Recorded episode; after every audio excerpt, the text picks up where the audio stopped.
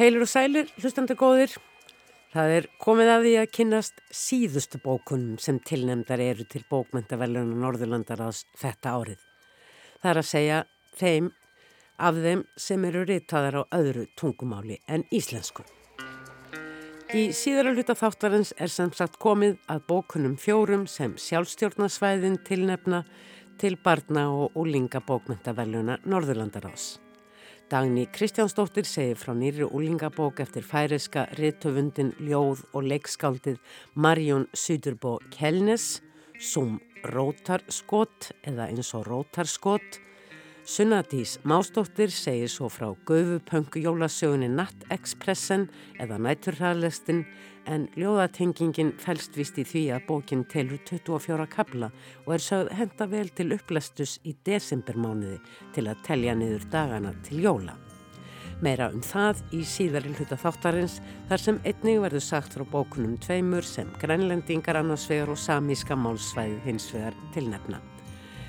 Þetta eru myndabókin um hana Æmu sem býr í ónemdum bæ á Grænlandi og samfundum hennar við móður fjallsins eftir bólötu Sílis Hög og skáldsagan Den vandrende stjerna eins og titill bókar hennar 74 ára gamlu Kirsti Paltó hljómar í norskri þýðingu úr frumálinu Norður Samísku.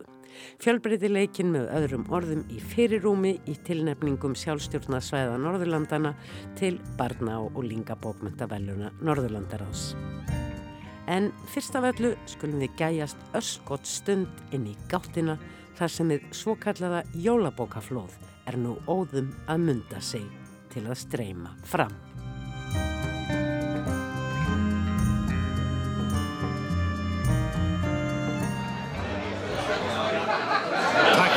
Að stríða okkur Hlustundu góðir, það er komið að því.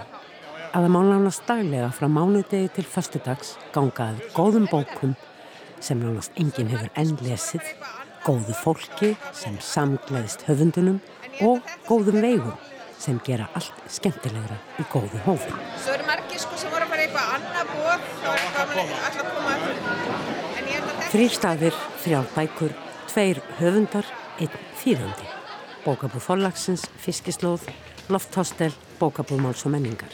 Einarstinn Valgarðsson, Auður Jónsdóttir, Emil Hjörvar Pettersen. Eitt, tveir, eitt, tveir. Halló, halló, halló. Skuggi ástarinnar, allir fugglar fljúa í ljósið, hælið. Eitt, tveir, eitt, tveir, eitt, tveir, nei. Viðbúinn, tilbúinn, nú. Ég vil bara bjóða ykkur öll um, hjartanlega velkomin í þetta útgáfi hóf. Já, já, fyrirgeðu, þú, þú getur gett það líka sko. Já, ég, ég vissi ekki hvort þetta byrjaði að þú... Nei, já, ég ætla nú ekki að segja margt, bara uh, bjóð ykkur uh, velkomin og þakka ykkur fyrir að koma í þetta litla útgáfuhóf til að fagna útgáfu þessara bókar sem er uh, náttúrulega stórmerk og Skálsagan Skuggi ástarinnar, eða Sía Evine á frumáli, hefur ferðast til Íslands um langan veg. Höfundur hennar var kurdiski rithöfundurinn Mehmet Úsun, fættur árið 1953 í Sivereg í San Ljurfa héræði í söð-austur Anatóliu í Tyrklandi. Mín eigin kynni af verkum Mehmets Úsuns hófust með því að ég sótti bókmyndaháttíð Reykjavík 2005 en hann var þá gestur hátíðarinnar og ég hlíti á uppleistur hans síðan á. Ég heitlaðist af því sem ég heyrði og keipti mér skugga ástarinnar á sænsku í kjölfarið í bóksölinni þar. Þetta reyndist áhrifarík, afar velskrifuð og ljóðræn söguleg skálsaga af grimmum örlögum, sterkum ástríðum og þrá.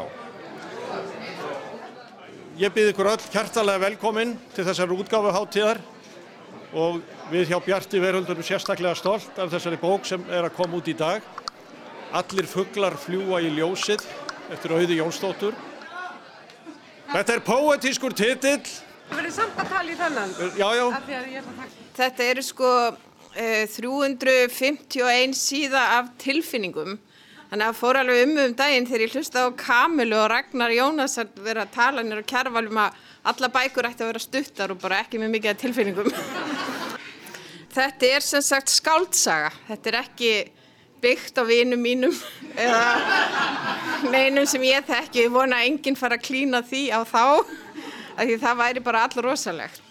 Hvað ætlum ég að segja? Já, ég ætla að þakka hérna. Ég vil þakka alveg kærlega henni Vigdísi Jakobsdóttur, vinkonu minni, sem er hérna, ég veit ekki alveg hver ég væri ánennar. Og það er mjög gott að hafa vanan leikstjóra sem yfirlesara.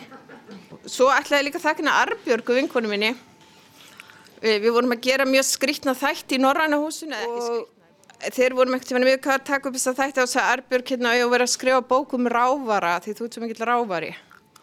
Og hún sagði mér að Gertrúd Stein og Virginia Woolf hefðu verið rávarar. Þær voru alltaf að ráfa og horfa fólk. Svo ég bara gengti Arbjörgu og fór heim og byrjaði að skrifa bókun rávara. Og það er sem sagt þessi bók. Halló, góða kvöldið. Við erum velkominn hingað í þetta útgáðu hóf vegna bókarinnar Hælið. Eftir hann Emil Hjörvar Pettersen. Þetta er merkur áfangi fyrir okkur hjá Storytel, ekki síðan en fyrir Emil, því að þetta er fyrsta prentaðbókin sem við erum að gefa út. Og við erum mjög eh, stolt af henni og ána með hana, og, en þetta svona, verður fyrst af, af, af mörgum. Hann Emil er e, frábær höfundur, við gáum út aðra bók eftir hann núna sem kom út í janúar. Hún heitir O Caritas og gekk mjög vel hjá okkur og e, er líka svona hrollvekja eins og hælið. Ég ætlaði líka að nefna það, Emil, eins og, eins og þið eru all áttuð ykkur á, er, er hérna til takst til þess að skrifa bækur og áreita. Já, velkomin og takk fyrir að koma. Hælið er bók sem ég er búin að vera að vinna að í nokkur ár. Ferlið við hana var alls ekki auðveld. Þetta voru margir vinklar til þess að blanda saman. Þetta er saga nútíma fjölskyldu sem blandast inn í sögu kópóshælis og, og aftaka sem voru í vójunum á öldum áður. Hælið er svona söguleg hrollvekja og ég ætla ekki að lesa neitt sem að sko tengist megin sögunni uh, að því ég vil að koma óvart. Heldur ég að lesa uh, brot úr svona enduliti eða svona flashback sem að lýsir aftöku inni í, á þessum þingstað í vójunum. Aftakan árið 1523. Það syngur í rimlónum þegar vindkviður smokra sér ofan í dýflusuna og reyfa við loftinu svo óþefur gís upp. Dauðardæmtur fangin situr í rakri fórinni, horfir út og býður þess að mektarmenninir hafi allir sest að snæðingi utan við dómringin. Lengra frá situr hettuklætur böðullin á högstoknum og brínir öksina. Við og við glampar á blaðið þegar sumarsólinni tekst að senda gísla sína niður á milli skíabakka. Fángin gerir engar syndir upp við Guð því hann telur sér ekki hafa dríkt neina synd. Í útleð sinni á meginlandinu snýri hann út þess baki við Guðum. Og auðvitað má hlusta á hvert útgáðu hóf fyrir sig og í heild á heimasíðu þáttarins orðum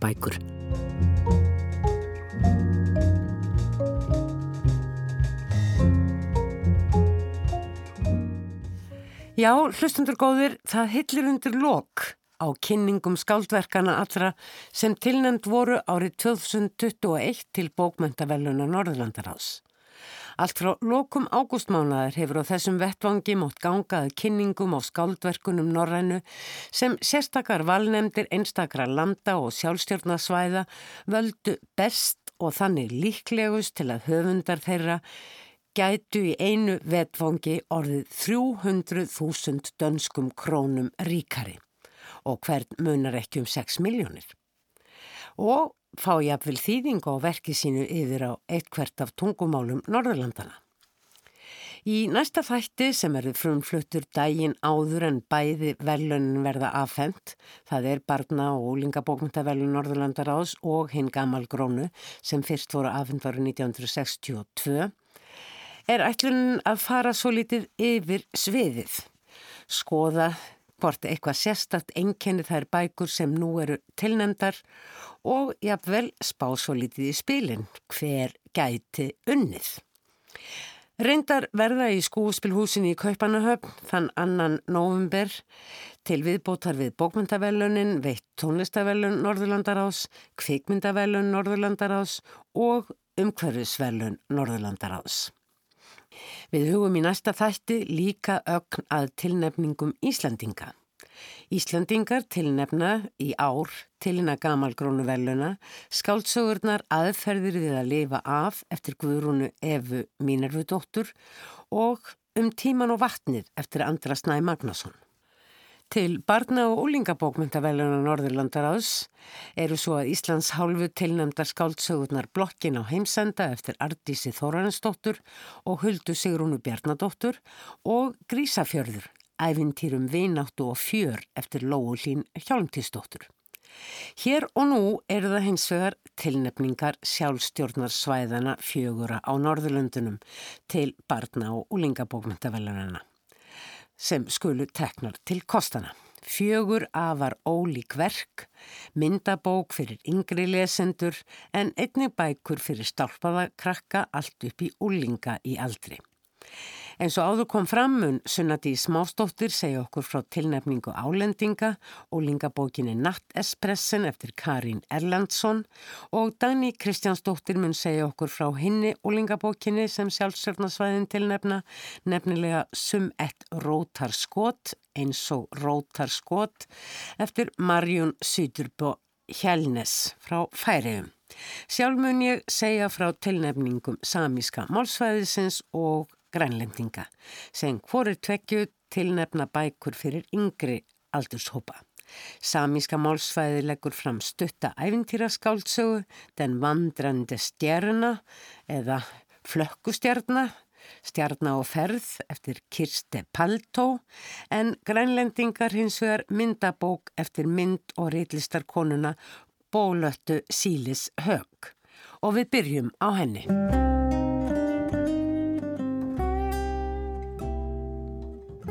Grænlendingar tilnefna afskaplega fallega myndabók til barna og úlingabókmentaveluna Norðurlandarás. Bókin ber nafn aðalpersonunar stelpunar Æmu. Æma býr í ónemdum bæ einhverstaður á Grænlandi og hún gengur í annan bekk í barnaskóla. Þetta er þriðja bókin um Æmu sem myndlistakonan Bólata Sílis Hög sendir frá sér. En fyrir þá fyrstu, Æma Uss, var hún einnig tilnefnd til barna og úlingabókmentaveluna Norðurlandarás. Í þeirri bók var æma yngri en þó þegar ljóst að hún er uppáfindinga sem stelpa með ríkt ímyndunarafl. Bókin sem nú er tilnæmt heitir Æma hittir móður fjallsins og segir nákvæmlega frá því. Grænlendingar hafa aldrei fengið bókmyndavelnu Norðurlandarás, hvorkiðin gamal grónu sem þeir hafa allt frá árið 1984 haft sjálfstæðan rétt en ekki skildu til að tilnæmna til. Eitt verk. Þeir notfærið sér þannig rétt hins vegar ekki fyrir árið 1991. Grænlendingar hafa svo auðvitað frá upphafið, það er frá árinu 2013, haft rétt og emitt ekki skildu til að tilnefna eitt verk til þeirra verðluna.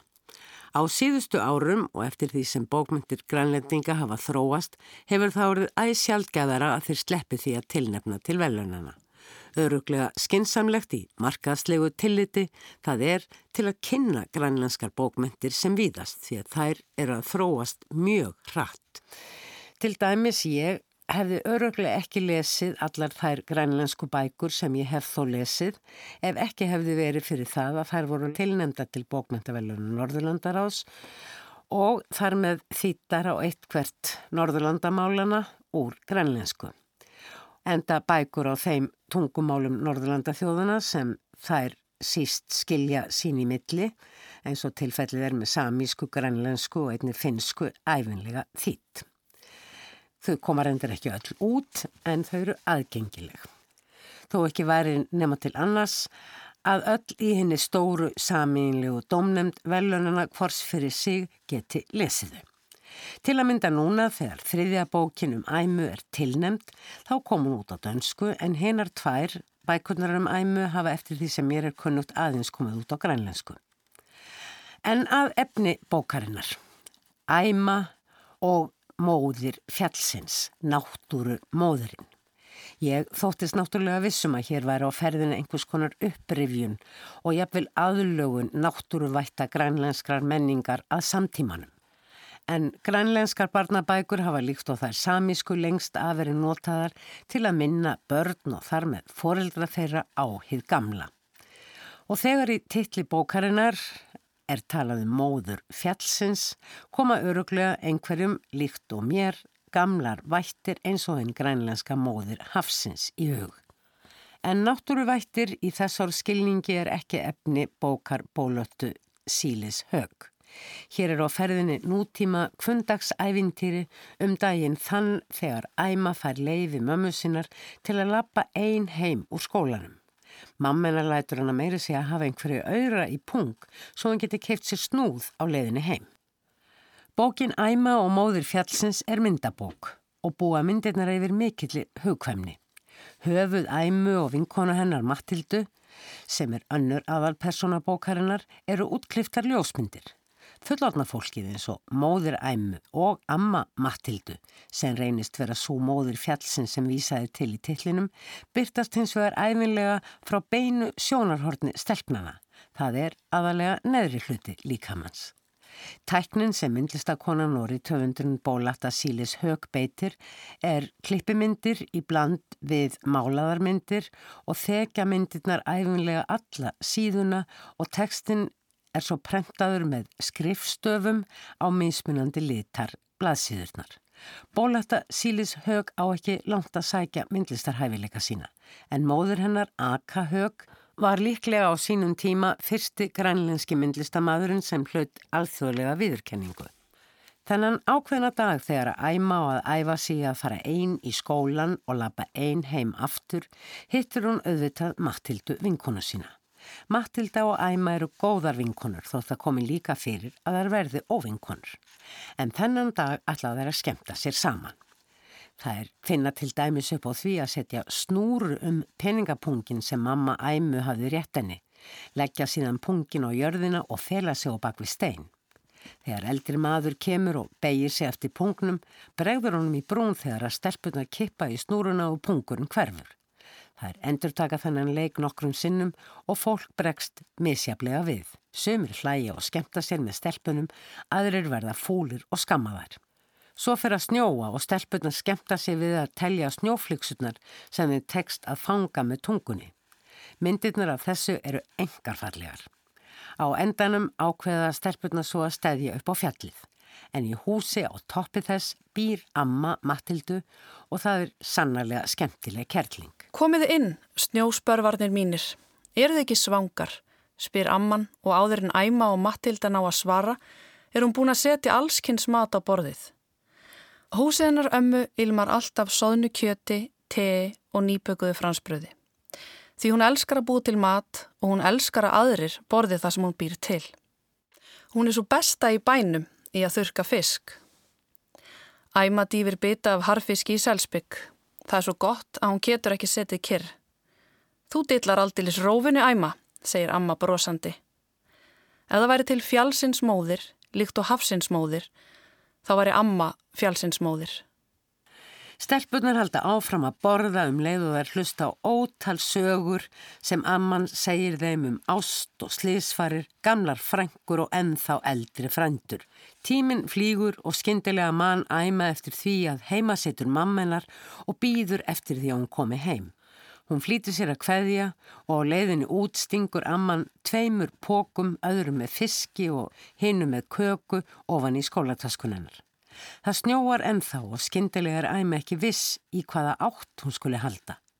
Á endanum sér hún fótspor, stór fótspor og ákveður að fylgja þeim. Mammenar muni öruglega að finna þessi spór. Á endanum nær æma heim. Hún kallar á mömmu sínu um leið og hún kemur inn en fær ekkert svar. Æma fer að glukkanum og skimar út í snjókomuna. Fyrir en varir kemur hún auga á mömmu sína með póka í hendinni. Mamma kemur líka auga á æmu í glukkanum og það glaðnar yfir hennu og hún herðir gönguna.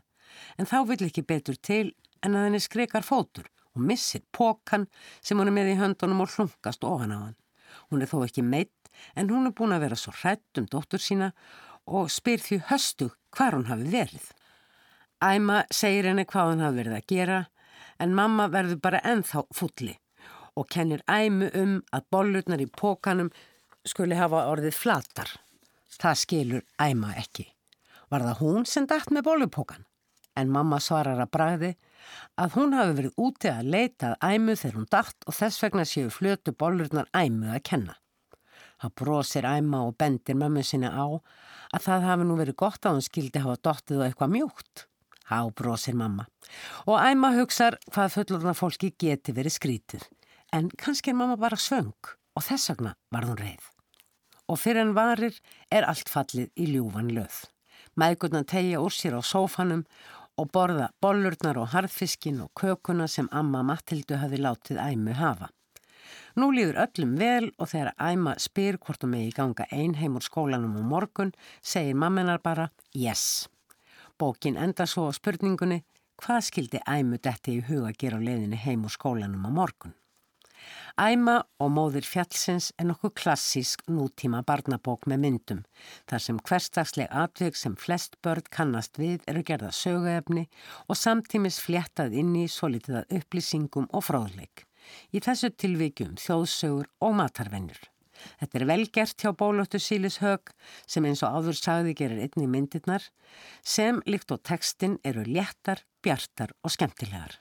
Bókin Æma hittir móður fjallsins sem grænlendingar tilnefna er þannig séð ekki sérstök en hún er einfald og falleg og vittnar um það að grænlenskar bókmyndir segla nú hraðbýri inn í aðferðafræði og hefðir klassiskra norrætna barnabóka.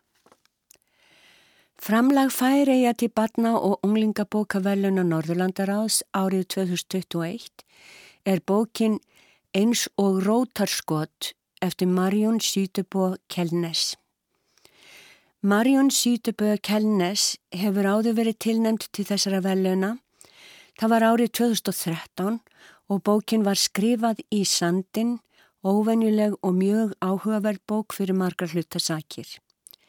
Hún fekk Norrænu bókmyndavelunin 2013.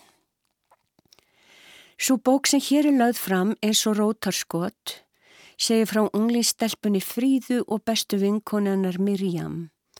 Þær eru óaðskiljanlegar sem smástelpur í grunnskólanum í Þórshöfn en foreldrar Mirjam flytja til kaupmannahafnar með börn sín og vinkonurnar eru aðskildar. Það er hræðilegt áfall fyrir Fríðu sem er feimin og ómannblendin. Fimm árum síðar kemur Mirjam tilbaka. Fríða þá byrjuði í mentarskóla og Mirjam sest strax við hlýðun á henni og þær takk upp þráðin eins og engin aðskilnaður hafa orðið. En það eru blikur á lofti. Mirjam stríði við arfgengan og óleikmanlegan sjúkdóm sem heitir cystic fibrosis og er kallaður slímsegju sjúkdómur á íslensku. Hann leggst mest á öndunafærin. Henni verstnar, hún er lagðinn á sjúkrahús og afhendi vinkonu sinni dagbókina sína sem hún á að varðveita svo að móðurinn komist ekki í hana. Dagbók Mirjam verður eins konar biblía fyrir fríðu og kaplar úr henni eru flettaður inn í frásagnennar þannig að tekstin verður margrata og skilin millir vinkvennana stundum fljótandi. Báðar eru þar miklir aðdáendu Gretu Túnberg sem er hetja þeirra og fyrirmynd. Þær eru mikli baráttumenn gegn loftslagsbreytingum af mannavöldum en þeim finnst ekki nóg að tuða bara og ákveða að láta til skara skrýða og gera eitthvað í málunum. Með hjálp tvekja vina. Annar þeirra bróðir Mirjam sem heiti Steffan. Hann er aðeins eldre en hún, mjög myndalegur, ljósærður og gengur í síðum eldröðum frakka. Hann er afa góður við sýsturina og hennar besti vinnur. Þegar Mirjam fer á sjúkrahús kemur Steffan til að halda Fríðu selskap því hún er ein heima. Fríða ákveður að hrista sér feminina, drekkur tvo heila sopað beilís líkjur með munnar og reynir svo við Steffan. Með þeim afleiðingum að hann flýr skelvingulostin heim til sín. Það er mjög pínlegt. Fríða hefur mislesið kynneigðans og það tekur smá tíma þar til hann verður aftur vinnur hennar. Hinvinurinn er Max, strákur sem býr í húsin á móti, Nörd sem hangir alltaf í tölvum er gangandi alfræði orðabók og svolítið skrítin að minnstakosti finnst fríðu það.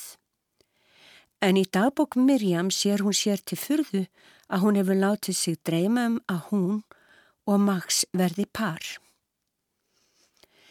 Þetta fer ekki Fríða og Steffan, Mirjam og Max sameinast um að gera eitthvað í loftlagsvandanum og mótmæla yfirþyrmandi útblæstri færiska engabilsins.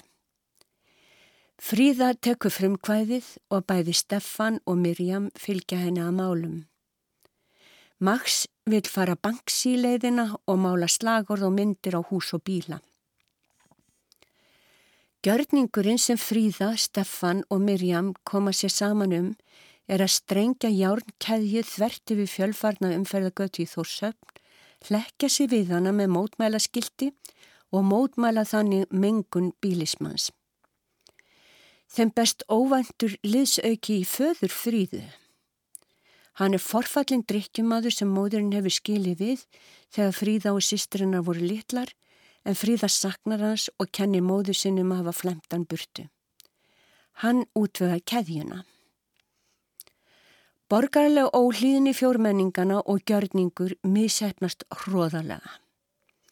Mirjam verður fárveik, fadir fríðu er tekinn fastur og dæmtur í fangelsi af því að hann hafi stólið keðjunni og mamma fríðu er öskureið.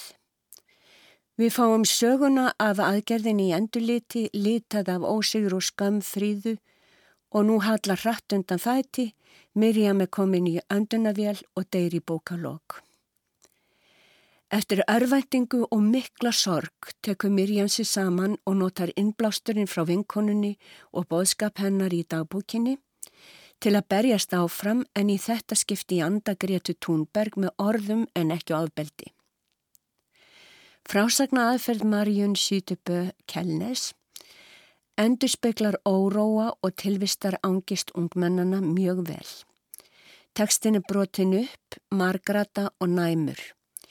Innsægi höfundar í sterkar tilfinningar unglingana er mikill. Reyði þeirra í gard foreldra sem reyna bara að sópa vandamálum heimsins undir teppin er mikill og Marjún skilur hana. Fríða er vitundamiðja bókarinnar og lýsingarnar er fín og samfarrandi. Sorg hennar anspænist dauð og missi Mirjam er sár en hann er tekst að breytin í orgu til nýra verka í lokin. Bókin verður svo litið yfirþyrmandi tilfinningasöm í blokkin. Eins og rótarskot heiti bókin og rótarskot er rætlingur. Rótar endi sem skýtu sér upp spölkott frá upprunalega trénu og byrjar að vaksa þar og dapna í óþökk Guðs og manna. Presturinn, föðubróðir Mirjam, notar þetta myndmál sem sótti til biblíunar í ræðu sinni við jarða fyrir hennar og vísa til þess að frelsun mannkinsins gæti byrst þar sem engin nætti vona á henni eins og rótarskott.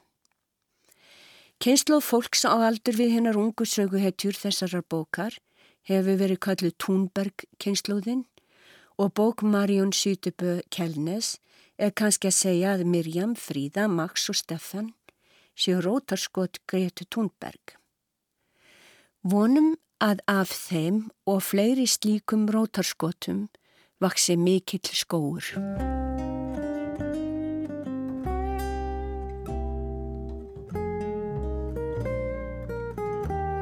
Bækur, þær sem í gegnum tíðina hafa verið tilnæmdar til barna og úlingabókmyndavelunum Norðurlandaráðs af samíska málsvæðinu, hafa gerðan verið myndabækur og líkt og haft var orða á um grænlensku bækurnar þá er í þeim samísku gerðnan verið að revja upp gamla þjóðtrú, vekja aðtökli og fræða um forna atvinnuhætti, reyndýrabúskapin til að mynda, að ekki sé talað um reykaleika náttúrunar. Auk þess sem bæði samar og grænlendingar tóku í raun nokkuð á undan hinum norðurlanda þjóðunum að benda á áhrif mengunar á norðurslóðum í ljóðum sínum og sögum. Bókin sem í ár er lögð fram á samíska málsvæðinu er eftir norður samískari töfundin Kirsti Paltó. Kirsti er með öðrum orðum frá austurhluta samíska málsvæðisins, það er að segja svæðisins norður af Finnlandi og skrifar á norður samísku. Kirsti mentaðist upphálega sem kennari en hún er fætt á fyrirhluta síðustu aldar. Hún var síðar bladamaður um hríð og svo mikilvægur frumkvöðul í margskonar menningarstarfi norðu sama auk þess að skrifa fjöldabóka bæði fyrir börn og fullorna, ljóð, smásögur og einnig fáinar skáldsögur. Hún er sögð fyrsti kvennriðtöfundurinn sem skrifar á samísku. Verkennar hafa verið þýtt yfir á önnur tungumál Norðurlanda þjóðana en einnig talsvert yfir á þýskum. Kirsti Paldó var árið 2016 einnig tilnæmt til barna og lingabókmyndavellunar Norðurlandarás og þá fyrir bókina Ævintýrið við Lótojevri. Sú bók fjallar líkt og svo sem nú er tilnæmt farandi stjarnar um bræðurna Urban og Rítni. Í fyrri bókinni eru bræðurnir einir í útilegu í tjaldi þegar til þeirra kemur skrítin stelpa og fær þá að endingu til að fylgja sér að vatninu lótojærfri. Þegar þangað er komið hjálpa bræðurnir stúlkunni við að leita að vinkonu sinni og njóta þar digrar aðstóðar margvíslegra förðu og þjóðsagnavera. Í bókinni sem nú er tilnemd eru bræðurnir Urban og Rittni eins og áður sagði enn aðalpersonur. Þeir voru 6 og 8 ára í fyrri bókinni og verðast í raun á svipuður ekki í þessari. Og sagan farandi stjarnan snýst eins og svo fyrri um ferðalag. En nú ekki yfir á nýtt landsvæði heldur beinlinis til tunglsins út í geim. Sagan hefst þó á óskup vennilegum leikvelli. Bræðurni renna sér í rennibrötinu og eftir eina salibönuna sér rittni skrítin grænan bolta og stærðið bræðurna sjálfa sem hann hefur ekki áður séð. Hann hleypur að boltanum en því nær sem hann kemur því hraðar rúlar boltin frá honum. Þeir kalla á mömmu sína sem kemur en hún sér engan bolta og þá sjá bræðurnir heldur engan.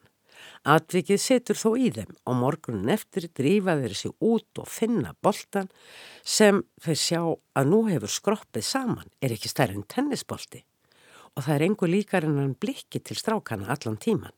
Aug þess sem hann gefur frá sér einhvers konar músík Dill, dilli, ding, dilli, ding, dill, dilli, ding.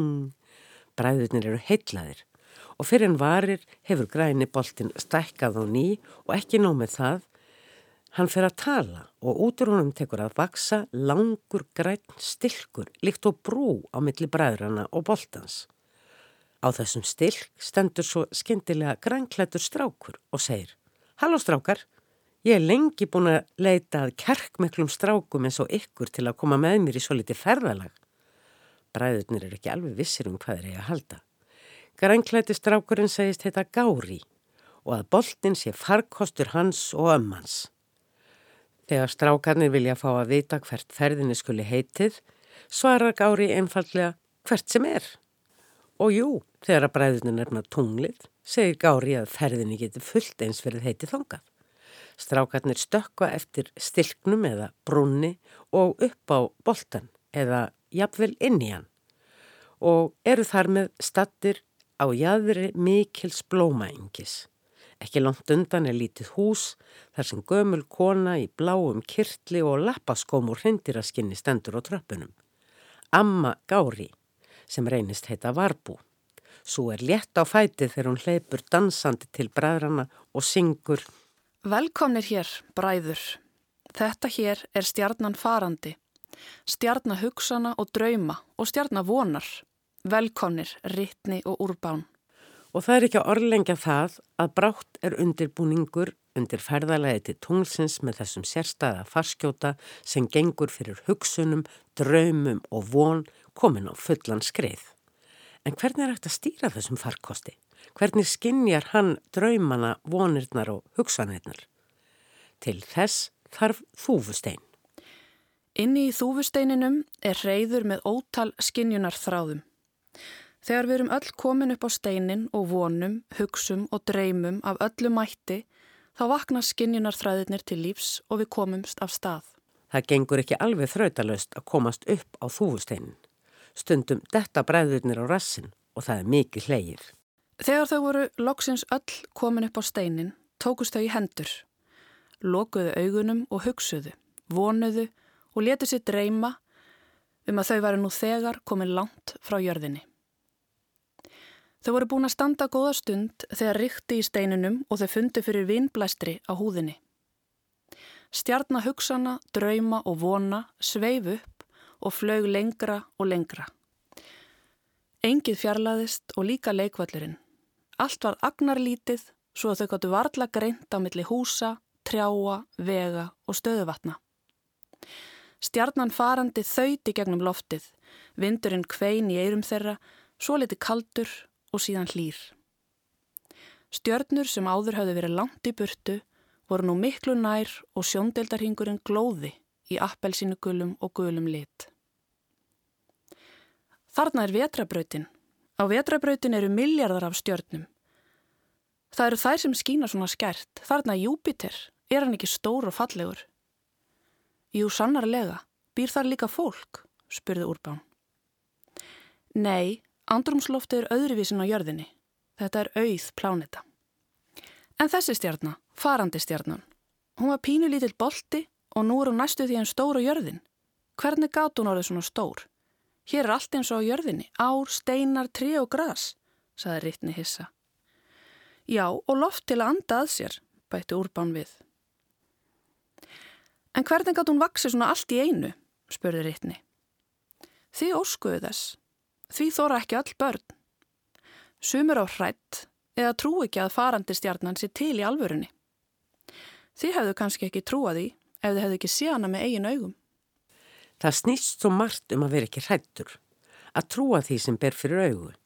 Ekki draga allt í efa og alls ekki þegar að fjóra höfða þurs á þremur fótum en þó aðeins með tvo arma byrtist. Því auðvitað þarf í ævintýri sem þessu að yfirvinna hindranir. Til dæmis þarf að gera áður líst mánamonstur óvíkt, alls ekki drepa það, heldur abla vináttu þess og trösts til þess að það láti að þeirri löngun sinni að taka manneskubörn. Eitt af því sem nöðsynlegt er til að sefa mánamonstrið er að gefa því nýtt nafn og í samskiptum við það þarf að gæta þess að horfa aldrei í augu þess. Allt tekst þetta að lokum og bræðurnir komast til tungsins. Oftar en einu sinni eru þeir vissilega að því komnir að gefast upp en þá er það æfinlega hugsunin, vonin og draumarnir sem knýja þá aftur á stað og áfram. Á tunglinu er margt að skoða, djúpir, gígar, hólar og sprungur í yfirborðinu eru augu, nef og munnur tungsins. Og auðvitað glemdi hópurinn ekki að binda sig saman áður en stíði var á tunglið til þess að missa ekki hvert af öðru þegar komin var í þingdalesið á tunglinu. Við ferðarlokk klöngrast Rittni og Urban aftur upp á þúusteinin og stökkva tilbaka yfir á leikvöllin sinn og Gári og Varbú ammaðans hverfa eftir stilknum inn í farandi stjörnuna sem flýgur á braut. Ævintýrðum hérna farandi stjörnu eftir Kirsti Paltó er nokkuð flókið en skemmtilegt aflestrar og myndir lælu labba eru fallegar. Hér eru engar prétikanir heldur spennandi og ævintýrileg saga um það hvað getur gerst þegar hugurinn er opinn draumar og vonir fá rými og þar með einnig ferðalög til ólíklegustu staða. Þetta er klassísk saga og sögð barna og úlingasaga. Hún er vissuleg ekki fyrir nýbakaða lesendur og kannski ekki heldur fyrir úlinga benglinis en gæti hitt vel inni meðal allra raunsæðislegu bókana og teiknumindasagnana sem krakkar á aldrinum milli smákrakka og úlinga seilast í.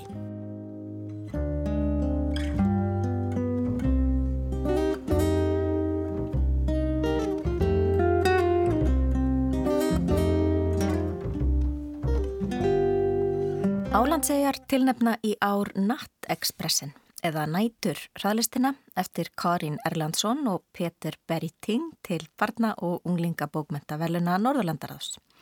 Karin Erlandsson sem skrifar söguna hefur áður verið tilnefnt til velunana í tvígang. Nætur hraðlistin tilheyrir nokkuð þröngri bókmentagrein innan barnabókmentana, nefnilega aðvendu bókinni. Hún er í 24 köplum og skrifuð til þess að lesast á aðvendunni. Einn kapli fyrir hvern langan og myrkan dag í desember á meðan beðið er eftir jólunum. Þetta þykir mér raunar nokkuð skemmtileg bókmyndagrein, mér þykir væntum hana. Ég eignaðist sem barn bókina um frú Pekalopp og jólapóstinn og gleðist einlaglega yfir henni á hverju ári, jamt sögu sem dásamlegum minnskreitingum. Í fyrra fengu við að auki dagatalsbókina Snjósistirinn eftir norska höfundin Maja Lunde í þýðingu Silju Adalsteinsdóttur sem sumuleiðis er dýrðlega minnskreitt af Lísu Æsató. Við lestur Nattekspressen var mér hugsa til hennar því hér er tekist á við ekki alls kostar ólík þemu, söknuð og sorg. Nattekspressen fjallar um stúlkuna Dönju sem á samt eldri sýstur sinni, Nöndu og fóreldrum þeirra heldur heim til ömmu sinnar dálitlu fyrir jól. Það er fjölskyldan raunar vön að gera því eins og pappinar segir snúast jólin um að hafa tíma fyrir hvert annað.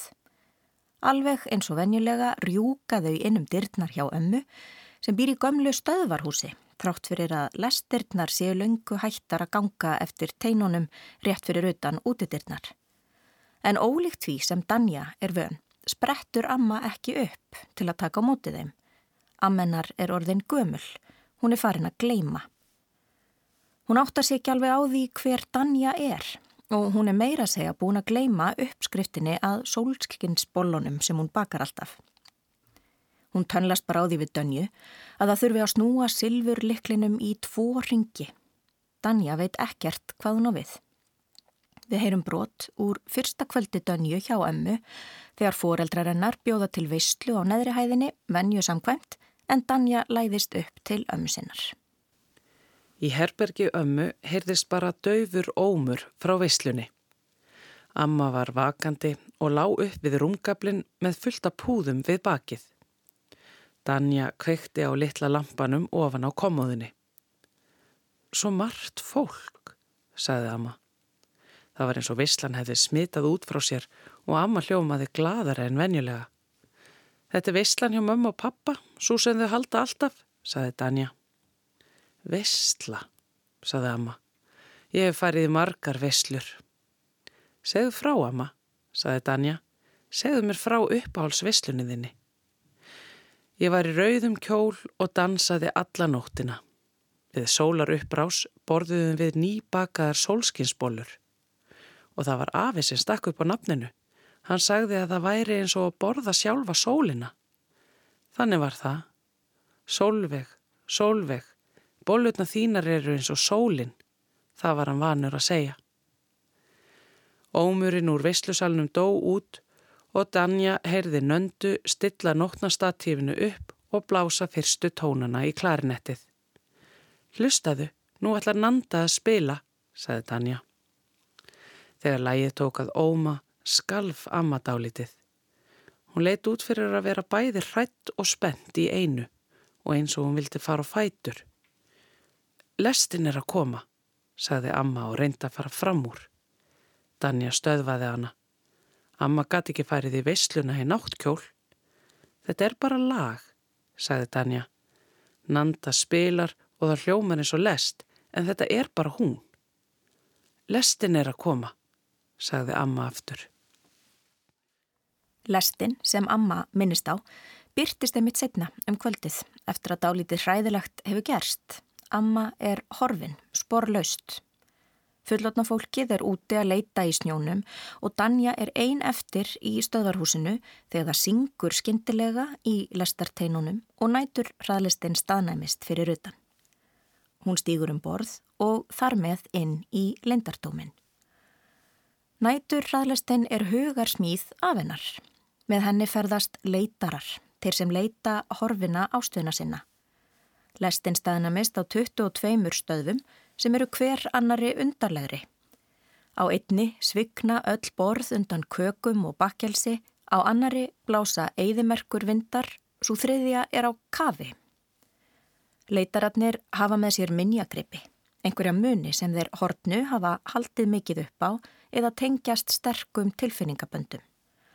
Ef þeir hafa hefnina með sér og stoppa á réttri stöð duga minjagripirnir stundum til þess að laða að sér hinn að hortnu sem eru þá alveg eins og þeir eiga að sér að vera.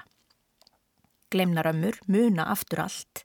Hortnir pappar koma hlaupandi tilbaka, alveg óháði hvernig þeir eru í raunvuruleikanum, þegar nætulestin hefur skilað leiturunum aftur til síns heima. Eins og heyra má býr hér djúb hugsun að baki.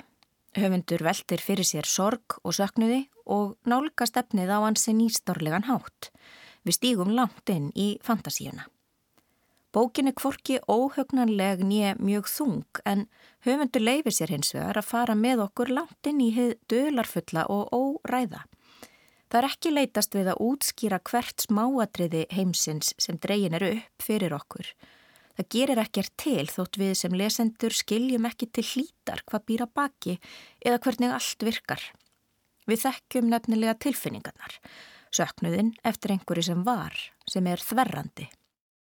Við samsumum okkur leiturunum, við þekkjum öll minnjagrippina, þessa dýrmætu hverstagslegu muni sem búa yfir ótrúlegum krafti, geta laðað fram horfið fólk í hugskoti okkar á sveip stundu.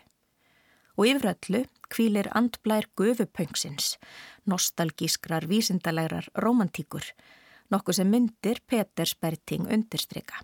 Þær eru dimmar og heitlandi. Kertin varpa frá sér rauðum bjarma, Það brakar og brestur í tannhjólum og í fjarska flautar eimreiðin. Danja fær far með næturlestinni, klætt inn í skóm ömmu sinnar og þeir döga til þess að lokka ömmu fram úr tóminu á stöð nr. 6. Með eftirfarandi hætti útskýrir amma hinn hortnu fyrir Dönju þennan fyrsta fundera eftir að amma tók upp á því að hverfa sjálf. Eftir að hafa faðmaðana lengi tók amma um hönd Dönju og liti hana upp tröppunar að stöðvarhúsinu. Danja vildi spyrja svo margs að henni tókst ekki að hósta upp einni einustu spurningu. Þar gengu inn í eldúsið sem var á nákvæmlega sama stað og í húsinu hennar ömmu. Amma gekk beina leiða skápnum, opnaði hann og sótti kveiti og sigur. Mér finnst að við ættum að baka sólskinsbollur, sagði amma eða baka, núna. Það er svo langt síðan síðast og mér langar svo að baka með þér. Það er gott að tala á meðan maður hnóðar deg, finnst þér ekki? Amma muldi gerið ofan í mjölkina og rétti dönju desilítarmál og kveitipoka. Á meðan þær útbyggu degið byrjaði hún að segja frá. Stundum hverfa manneskur frá sjálfum sér, þrátt verir að þær vilji það í raun ekki. Þú veist hvað ég er orðin gleimin upp á síðkastið. Líka minn er á sínum stað en ekki höfuðið. Mamma segir að það sé vegna þess að þú er svo gömul, saði Danja og mældi síðasta kveitið. Það getur gerst af því að maður er orðin gamal eða af því að maður er svo dabur að maður gleymir hver maður er eða kannski bara af því að manni líkar ekki við manneskuna sem maður er orðin. Sumt fólk hverfur af því að það er veikt eða einmanna. Skilur þau? Kanski, ég veit það ekki. Ert þú dáin? Amma hristu höfðið. Nei, ég er ekki dáin. Þá gætu við ekki hist. En það mætti segja að tíminn hafi runnið frá mér. Tíminn og óstöðvandi framrás hans er eitt af helstu þemum bókarinnar. Hann rennur frá þeim sem hverfa og kippir þeim stöðugt á millistöðva svo leitararnir mega hafa sig alla við að hafa upp á þeim aftur og aftur. En kannski er til laust. Ef Danja finnur silfurleikilinn sem amma nefndi og snýr honum tvo ringi í skráni í speiladósinni dularfullu opnast síðasti hluti lestarteinana alveg eins og afi ætlaði sér og allir hinn er hortnu geta snúið aftur heim. Eða kannski ekki, kannski ekki allir. Við vitum það ekki. Og það finnst mér dálítið ánægilegt að höfundur taki sér það leifi að vita ekki alveg hvernig tíminn, sorgin og söknuðurinn virka saman að lokum. Þegar uppi staðið er kannski engin einn töfralaust fyrir alla. En við vitum að trúin á nætur ræðlistina, ástinn og minjagripinnir geta skilað okkur langt. Tekstinn í Nattekspressen ber þess nokkur merki að hún er dagatalsbók og sem slík jafnvel ætlu til upplæsturs. Þannig er því oft þannig farið að í upphafi kapla fylgir örstuðt upprifjun til að tengja hann við það sem á undan er gengið. Þetta getur virkat á lítið endurtekningasamt ef bókin er lesin í einum rikk en er eflust ansi gaglegt ef ráðlögðum dagskamti hvað varðar kaplana er fyllt, eitt kapli á dag. Það sem skilur hana kannski frá bókum á borð við snjósisturina og mína ástkæru frú Pikalopp er að þótt jólinn séu nálæg Leikar hefjast á hefðbundinni desembervistlu fóreldradönju og sögulokkin koma rjúkandi úr opninum á aðfangadag jóla, eru þau ekki jafn alls ráðandi. Það mætti því vel hugsa sér að lesa Nattekspressen utan þess árstíma. Í bókinni tekur höfundur líka á samböndum innan fjölskyldunar. Danja er dálítið ráðvilt þegar sagan hefst. Það er ekki bara vegna þess að ammennar er orðin svo gleimin, heldur stendur hún líka á tímamótum sem yngri sískinni hvarvetna kannast líklega vel við og geta samsama sig. Eldri sístrennar, Nanda, er allt í einu orðin unglingur. Hún nennir ekki lengur að leika við dönju eins og þær hafa alltaf gert. Hún vil ekki setja með henni með bánsansinn í fanginu þegar óttin sækir að eftir kvarf ömmu. Hún nennir bara alls ekkert að tala við dönju og þótt að Danja sé verulega pyrruð út í þetta unglingsskrimsli skinnju við líka sorgennar og missi. Sistir hennar verðist líka vera hverfa, í það minsta umbreytast. Sumuleiðis fá við einsinn í samband sistranna við fóreldra sína, sem kemur kannski ekki á óvart að trúa ekki frásögnum dönju af ferðalögunum með næturhæðlistinni. Þau eru ekki endilega erkitýpur upptekins framafólks á hraðri leið til kulnunar, en hins vegar afskaplega upptekin af því að hafa yfir sín. Þau elska að skrifa lista og þau elska að haka við verkefnin á listanum þegar þau hafa lokið þeim. Þessi íkti fókus á verkefnin framundan gerir að verkum að þau eiga erfitt með að trúa, líta upp frá listanum og finna galdurinn í lífinu. Og það eru skilaboð höfundar til okkar. Auðvitað er líkillin að því að komast um borð í lestina og eiga möguleika á að finna hérna hortnu að geta trúað. Fleiri verða orðum bækur ekki að þessu sinni. Tæknimaður þessa þáttar var Úlfildur Eistensdóttir. Takk fyrir að hlusta. Verði sæl.